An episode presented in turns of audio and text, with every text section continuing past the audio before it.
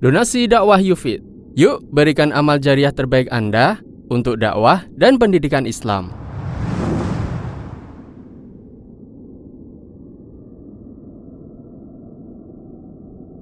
Bismillahirrahmanirrahim. Assalamualaikum warahmatullahi wabarakatuh.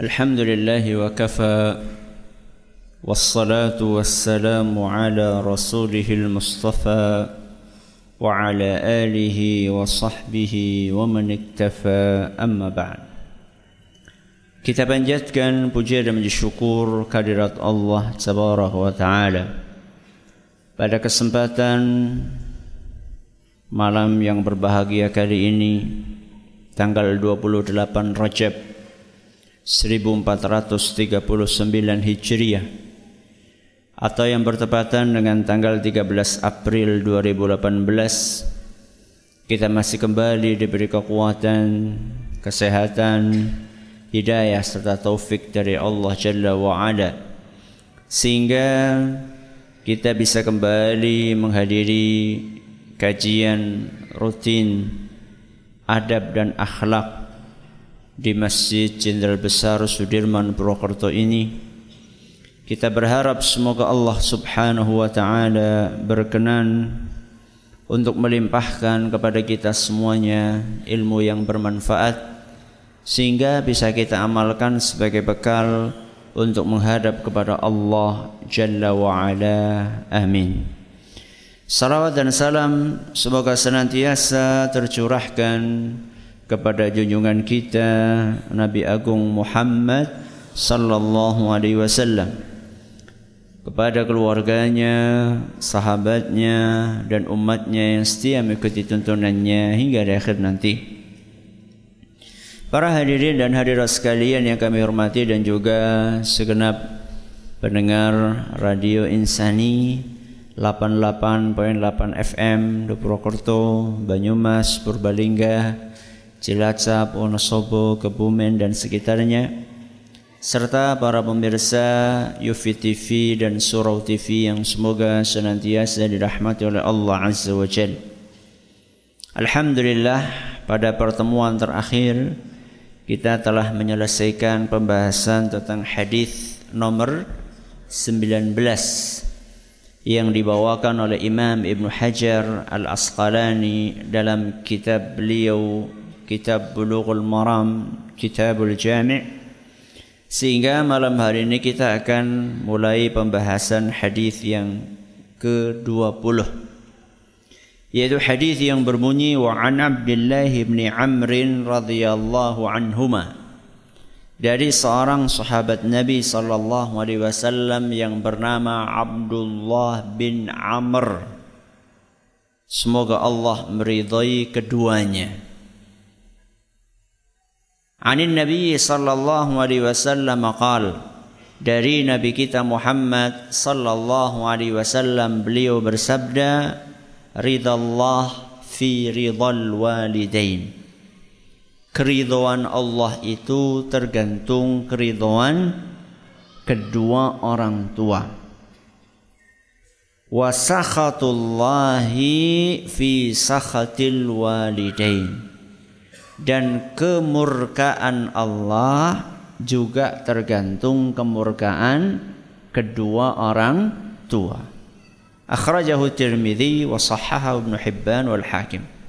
Hadis ini diriwayatkan oleh Imam At-Tirmidzi dan dinilai sahih oleh Imam Ibnu Hibban dan juga Imam Al-Hakim.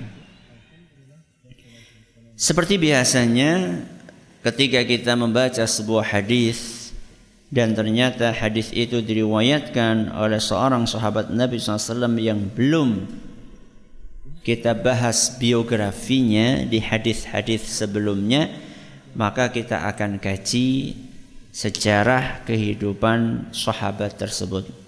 Siapa tadi? Abdullah bin Amr. Ada dua nama yang mirip. Abdullah bin Amr sama Abdullah bin Umar. Yang satunya Umar, yang satunya Amr. Kalau di dalam tulisan Arab dibedakannya dengan wawu. Kalau Umar itu setelah ro nggak ada wawunya. Kalau Amr setelah ro ada wawunya. Sehingga kalau ada tulisan Amr Ain Mim Ro Coba dilihat di belakangnya itu ada wawunya atau tidak Di belakang apa tadi? Huruf Ro Kalau di belakang huruf Ro ada wawunya berarti bacanya Amr Kalau nggak ada wawunya bacanya Umar dan dua-duanya sama-sama sahabat Rasul Sallallahu Alaihi Wasallam. Cuman yang meriwayatkan hadis yang akan kita pelajari malam hari ini siapa? Abdullah bin Amr. Siapa nama lengkapnya? Beliau namanya adalah Abdullah bin Amr bin Al-As. Siapa? Abdullah bin Amr bin Al-As. As-Sahmi. Konon sebelum masuk Islam Abdullah ini namanya Al-As. Siapa? Al-As. Kayak nama siapa? Kayak nama kakeknya. Orang Arab punya kebiasaan menamai anaknya seperti nama kakeknya. Akan tetapi Al-As ini punya makna yang kurang baik punya makna yang kurang baik. Asin artinya adalah orang yang berbuat maksiat. Maka begitu al-as kecil, ya, al-as kecil ya, karena ada al-as kakek. Ya, sekarang kita bahas adalah Abdullah bin Amr yang asli namanya adalah al-as. Ketika Al-As masuk Islam, Nabi Shallallahu Alaihi Wasallam konon perintahkan kepada beliau agar merubah namanya. Jadi siapa? Abdullah. Kenapa dirubah namanya jadi Abdullah? Karena namanya yang lama mengandung makna yang kurang baik. Bukan karena sakit-sakitan, bukan karena nama aslinya mengandung makna yang kurang baik. Makanya kasih nama yang baik. Ya. Aja asal rebo pon jenenge jadi pon. Karena punya ternak sapi, anaknya dinamai gudel. Cari makna yang baik-baik.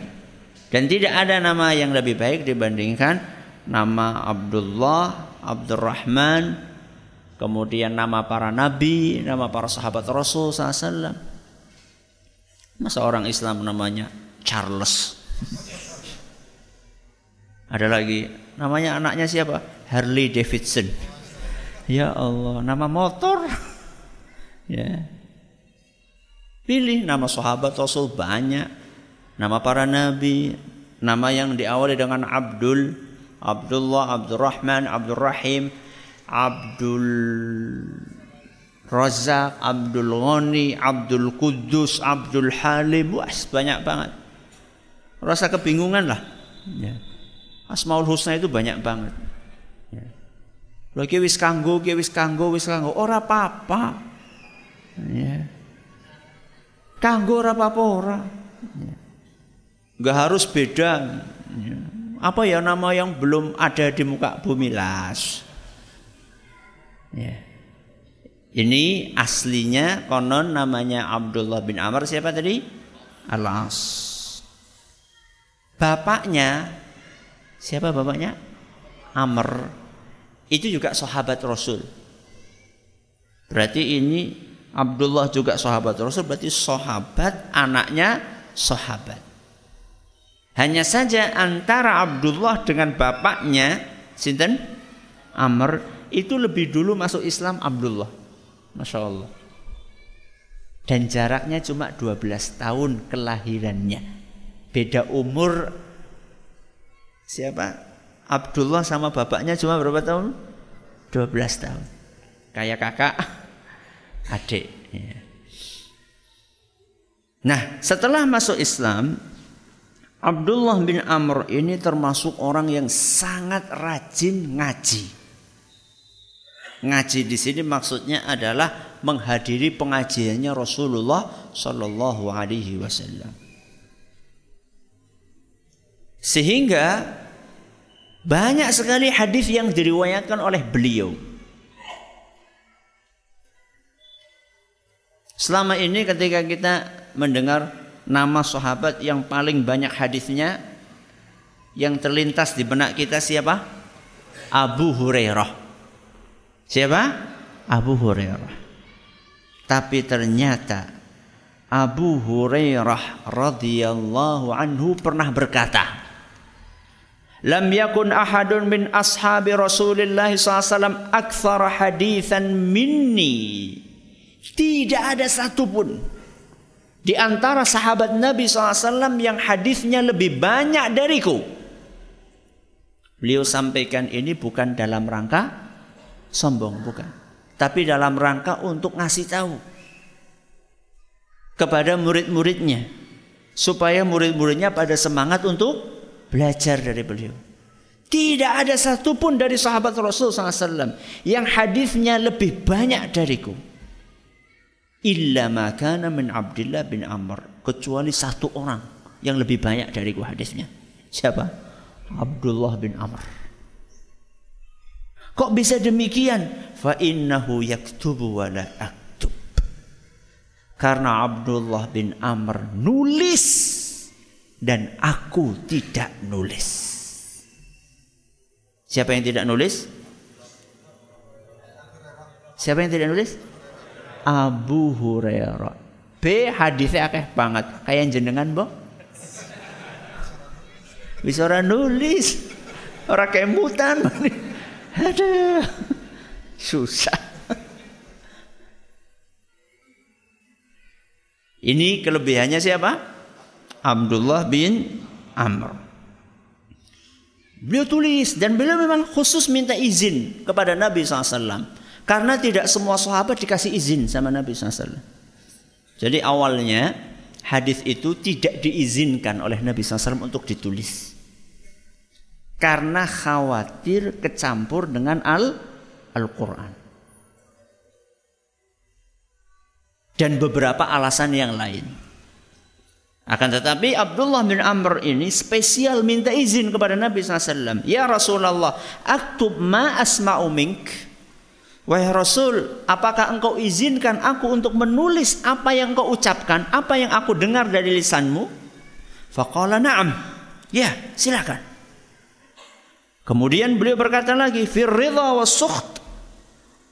Boleh aku nulis ketika engkau tidak sedang marah dan ketika sedang marah, ketika engkau sedang ridho dan ketika engkau sedang marah, maksudnya ketika engkau sedang marah, emosi, ketika tidak emosi, apakah boleh aku tulis? Maka Nabi SAW mengatakan, "Na'am, ya." Fa innahu la yanbaghi li an aqula fi dzalika illa haqq. Dalam kondisi apa pun aku tidak akan mengucapkan dan tidak akan mengeluarkan dari lisanku kecuali sesuatu yang benar. Hadis riwayat Ahmad nyatakan sahih isnadnya oleh Imam Al-Hakim dan Imam Al-Zahabi.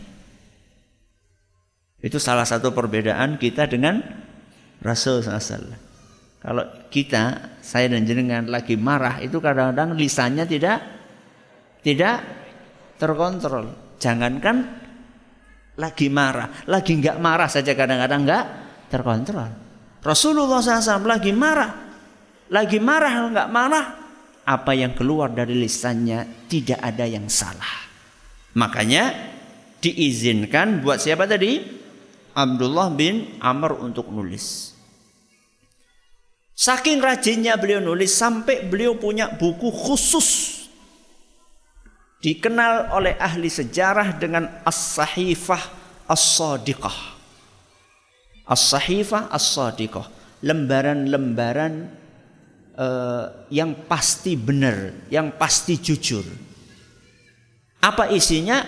Kata beliau, isinya hadhihi sahifah allati sami'tuha min Rasulillah sallallahu laisa baini wa bainahu ahadun.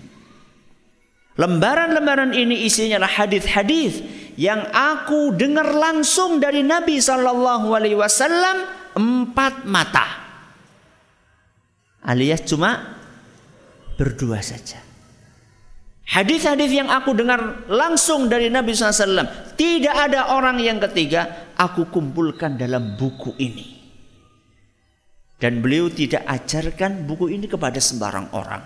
Beliau pilih orang-orang yang betul-betul beliau percaya. Ini adalah semangat siapa? Abdullah bin Amr dalam menulis hadis Nabi SAW dan dalam belajar. Dan salah satu yang membedakan Abdullah bin Amr dengan kita yang mungkin juga kita rajin ngaji. Yang salah satu yang membedakan apa? Nulis.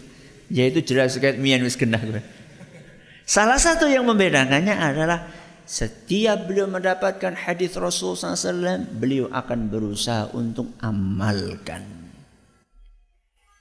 Sehingga beliau menggabungkan antara ilmu dengan amal.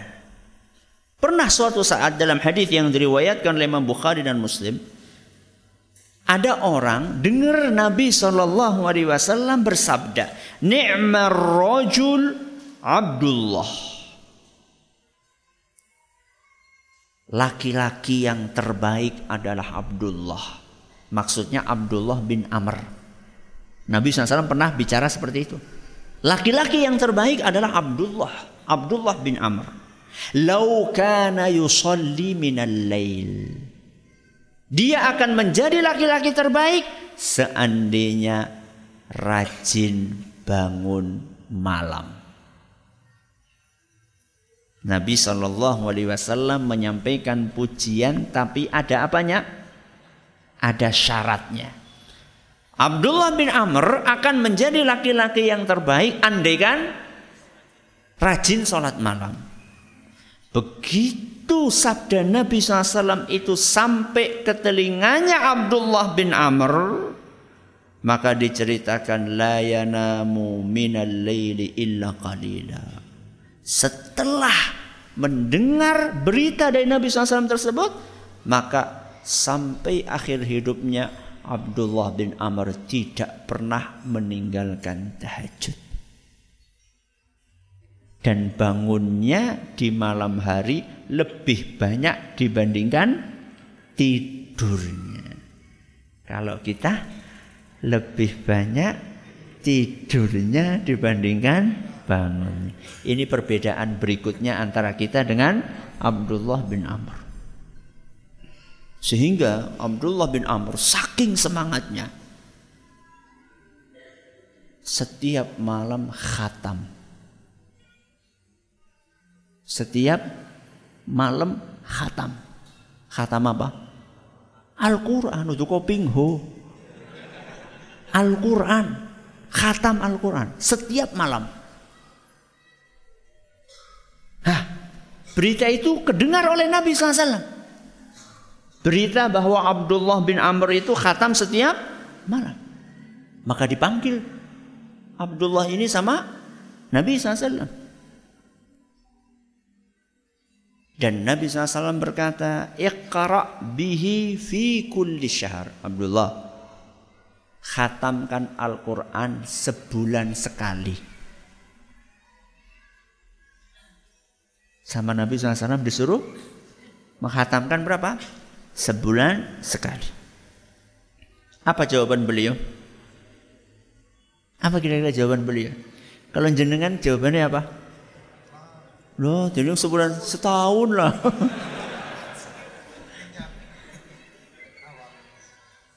Ternyata jawaban Abdullah, "Ai Rasulullah, da'ani astamti' min quwwati wa syababi."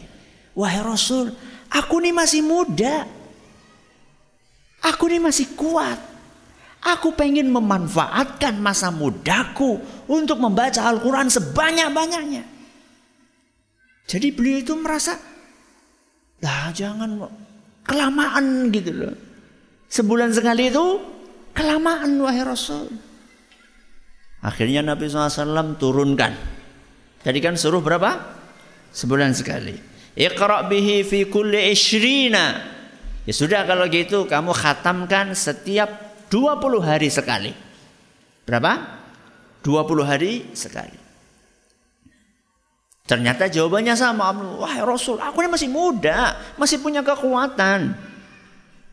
Akhirnya sama Nabi SAW diturunkan lagi. Iqra bihi fi kulli ashrin. Ya udah, 10 hari sekali khatam. Tetap jawabannya Abdullah bin Amr seperti itu. Ya sudah kata Nabi SAW. Iqra bihi fi kulli sab'in. Sudah seminggu sekali. Berapa? Seminggu sekali. Khatam. Ternyata jawabannya masih. Wah Rasul saya masih kuat, masih muda.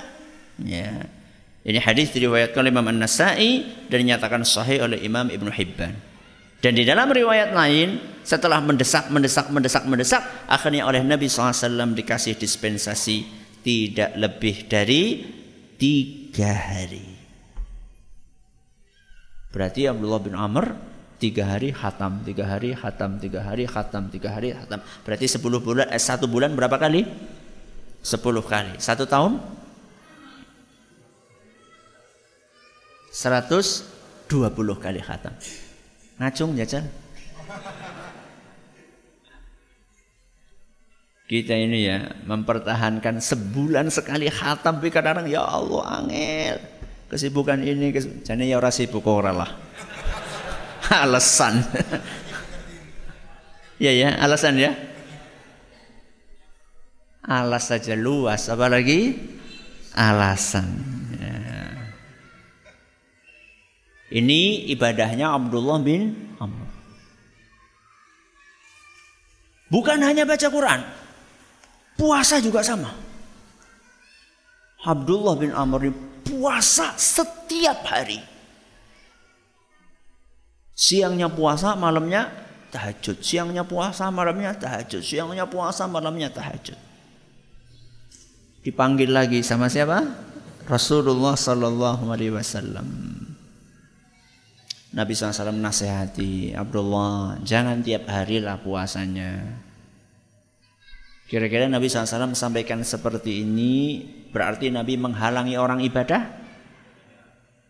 Menghalangi orang ibadah? Terus apa alasannya? Mari kita dengarkan alasannya.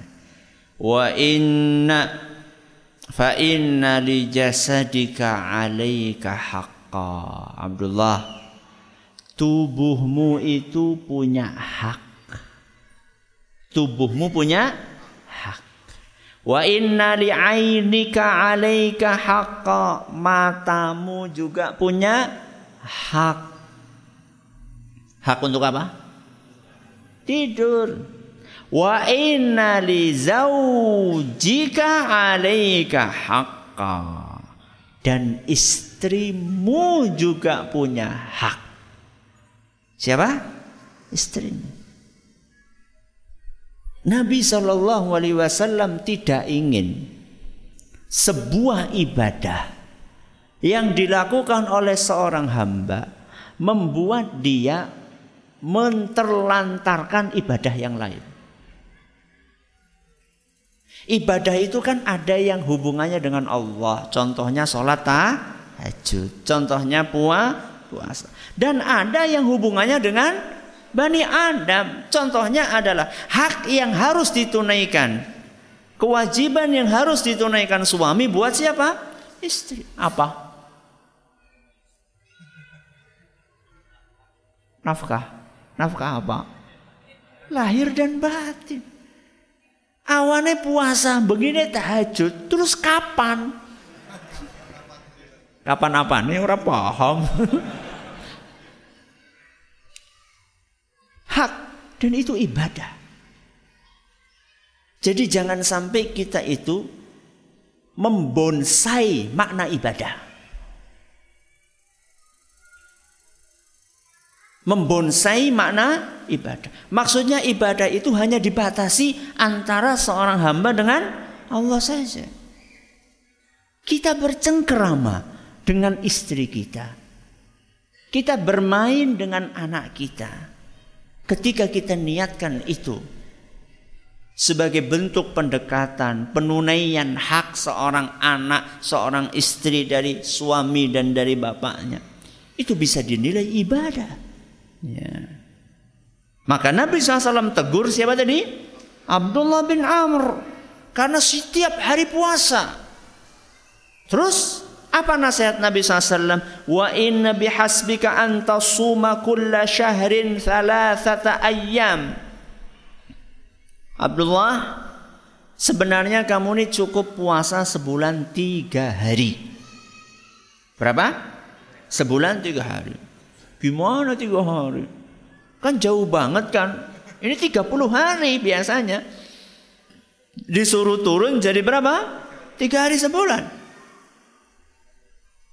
Nah, kalau 30 kan pahalanya besar. Nabi SAW kemudian katakan, fa inna laka bikulli hasanatin asyara amthaliha fa inna dhalika siyamud dahri Wahai Abdullah, kamu jangan lihat tiganya, jangan lihat angka tiganya. Tiga itu setiap satu pahalanya sepuluh. Berarti orang berpuasa tiga hari dalam sehari, eh, tiga hari dalam sebulan itu seperti orang berpuasa tiga puluh hari. Dan itu kata Nabi Shallallahu Alaihi Wasallam kullihi itu sama dengan puasa setahun. Kenapa tadi kok bisa setahun? Karena tiga hari sama dengan 30 hari. Berarti kan 30 hari kali 12 bulan setahun. Akhirnya Abdullah mengatakan ini ajidu kuwa wahai Nabi aku kuat fisikku masih bisa wahai Rasul bukan hanya puasa Sebulan tiga hari. Ya sudah, kata beliau. Fasum siyama nabiyillahi Dawud alaihi salam wala tazid alaihi. Sudah kalau kayak gitu kamu puasa, puasanya Nabi Dawud. Apa puasanya Nabi Dawud? Sehari puasa, sehari tidak, sehari puasa, sehari tidak, sehari puasa, tidak. Dan jangan lebih dari itu. Apa? Jangan lebih dari itu. Akhirnya dijalanilah pesan Nabi SAW. Dan ternyata, dengar baik-baik. Setelah Abdullah bin Amr lanjut usia. Beliau wafat pada usia 72 tahun. Setelah beliau lanjut usia, beliau mengatakan, ya laitani qabiltu rukhsatan nabi sallallahu alaihi wasallam. Andaikan aku menerima nasihat Nabi SAW dahulu. Maksudnya gimana? Ketika beliau lanjut usia fisiknya turun.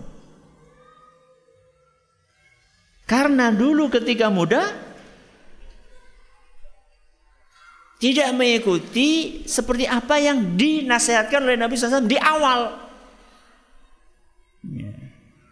Dan ini menunjukkan jamaah yang kami hormati.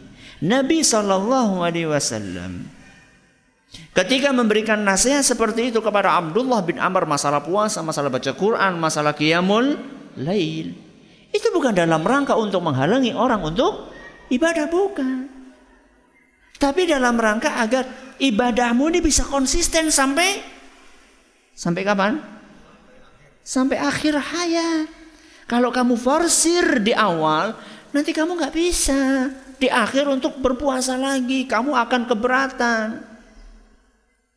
Alhamdulillah. Ngesuk sholat subuh tok.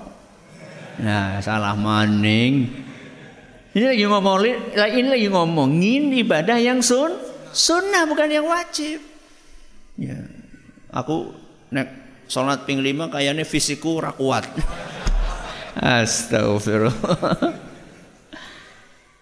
ya, jadi tolong jangan disalah tafsirkan. Ya. Ini ibadahnya siapa? Abdullah bin Amr. Dan Abdullah bin Amr adalah orang kaya.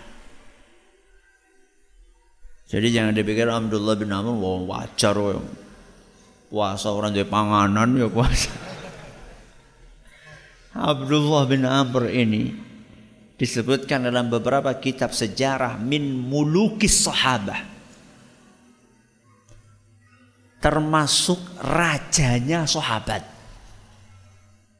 Ini menggambarkan bukan beliau itu raja, tapi menggambarkan apa? Kekayaannya. Ya mungkin kalau bahasa sekarang miliardernya sahabat. Kayanya minta ampun. Terutama beliau dapat warisan dari bapaknya. Siapa nama bapaknya? Amr. Amr ibnul As. Dapat warisan yang banyak emas dari bapaknya. Dan ini menunjukkan bahwa kaya tidak menghalangi ibadah. Jadi sok ana wong sugi alasan aku ora sempat ngaji.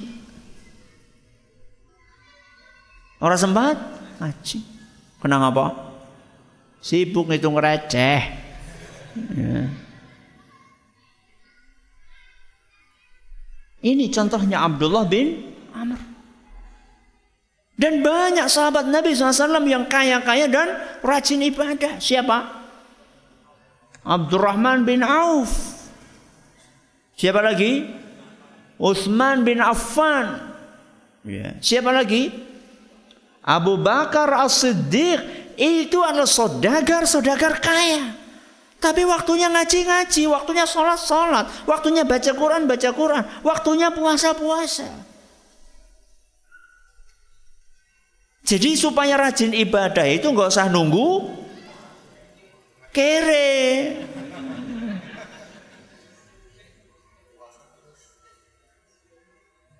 Nabi SAW pesan apa? Ajmilu fit tolab. Ajmilu fit tolab. Bekerjalah yang proporsional. Jadi jangan dipikir kita ini nggak suruh bekerja. Kita ini suruh bekerja. Gak boleh kita ini jadi beban orang lain. Kita disuruh bekerja, tapi bekerjanya yang proporsional. Proporsional itu gimana toh? Waktunya kerja ya kerja, waktunya waktunya sholat ya sholat, waktunya ngaji ya ngaji. Habis ini kita akan lihat, habis adzan insya Allah, duitnya Abdullah bin Amr itu buat apa toh? Monggo silakan. الحمد لله رب العالمين والصلاة والسلام على نبينا محمد وعلى آله وصحبه أجمعين أما بعد Abdullah bin Amr radhiyallahu anhu adalah orang yang sangat kaya. Tapi untuk apa kekayaannya? Beliau adalah salah satu sahabat Rasul SAW yang sangat terkenal kedermawanannya. Sehingga yang menikmati hartanya bukan cuma dia. Ada sebagian orang subhanallah. Bikin rumah sepuluh. Buat apa? Ya. Yang dipakai cuma satu. Nanti yang sembilan lagi nganggur. Ditinggali siapa? Syaitan. Abdullah bin Amr yang menikmati hartanya itu orang banyak. Nih supaya kita tahu seperti apa kedermawan Abdullah bin Amr. Diceritakan dalam kitab sejarah. Pernah suatu saat Abdullah bin Amr kedatangan tamu. Ada orang penasaran pengen ngelihat kayak apa sih sahabat Rasul SAW. Ternyata sampai di depannya Abdullah bin Amr. Di depan rumahnya Abdullah bin Amr ada 300 onta. 300 onta lengkap dengan isinya. Isinya itu apa toh? Isinya ya perbekalannya, makanannya, minumannya. Ya. Maka tamu itu heran, ini buat apa? Ini 300 onta untuk menghajikan 300 orang. Pakai duit pribadi.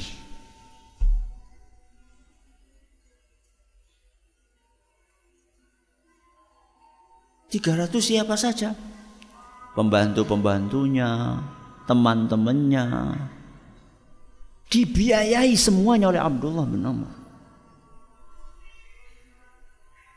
Jadi kebiasaan untuk memhajikan orang yang tidak mampu itu sejak zaman sahabat Rasul SAW sudah dipraktekkan. Ya.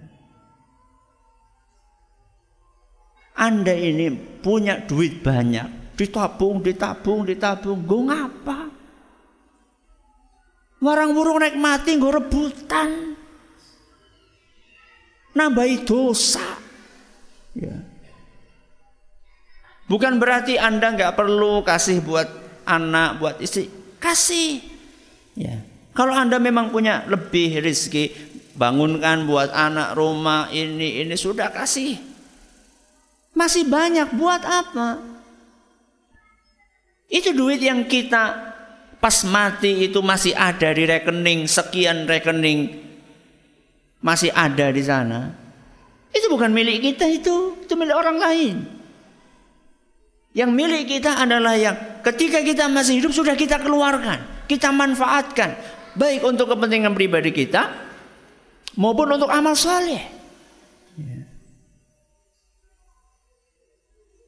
Silakan Anda bisa haji berkali-kali, tapi apa Anda nggak kasihan? Misalnya ada seorang guru TPQ misalnya, yang sudah mengabdi, masya Allah, berjuang ngajar, menghabiskan waktunya, atau guru di pesantren yang ya penghasilannya bukan pas-pasan, tapi kurang lah, bukan pas-pasan. Kalau pas berarti kan pas gitu. Apa anda nggak pengen orang-orang seperti itu yang melihat Mekah hanya dalam mimpi, sedangkan anda tiap tahun haji? Apa Anda nggak kepingin orang-orang yang seperti itu yang tulus membela agama Allah untuk berangkat haji dengan biaya Anda? Satu, dua, ini loh belum bin Amr, tiga